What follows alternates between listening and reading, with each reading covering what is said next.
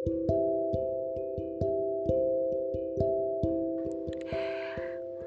semua, Assalamualaikum. Kembali lagi sama podcast Aku, Sad Girl.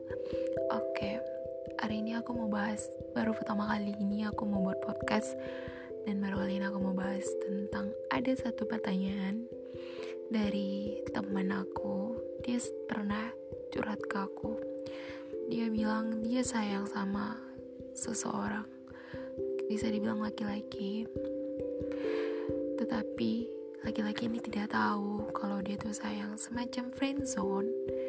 Jadi pendapat aku tentang dia dia nanya gimana menurut kamu? Aku harus lanjutin dengan tetap memendam perasaan ini atau aku harus sudahi sampai di sini walaupun sakit? Aku kasih saran ke dia seperti ini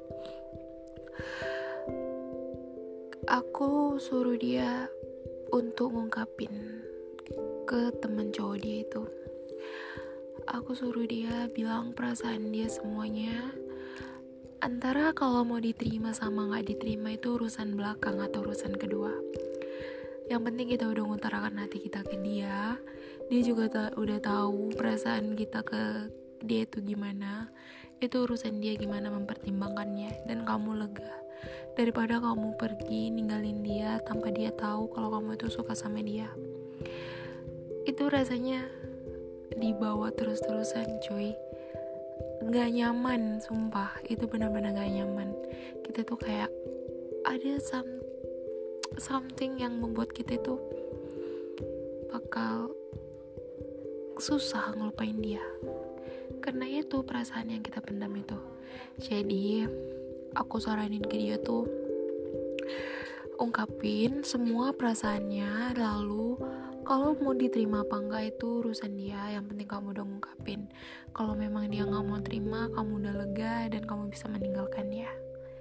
Jadi pelajarannya kita boleh mencintai seseorang dalam diam tapi kalau memang kita udah capek udah di titik lelah kita mengejar dia kita boleh jujur tentang perasaan kita dan kita pergi dengan nyaman thank you semua udah mendengarkan podcast aku Mudah-mudahan atas dukungan kalian aku bisa lebih semangat membuat podcast seperti ini.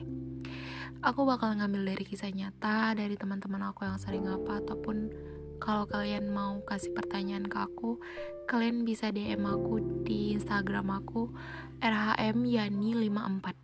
Sekali lagi Instagram aku rhmyani54. Kalian bisa kasih aku pertanyaan di situ dan aku bakal podcast di sini. Salam kenal dari aku, Sad Girl.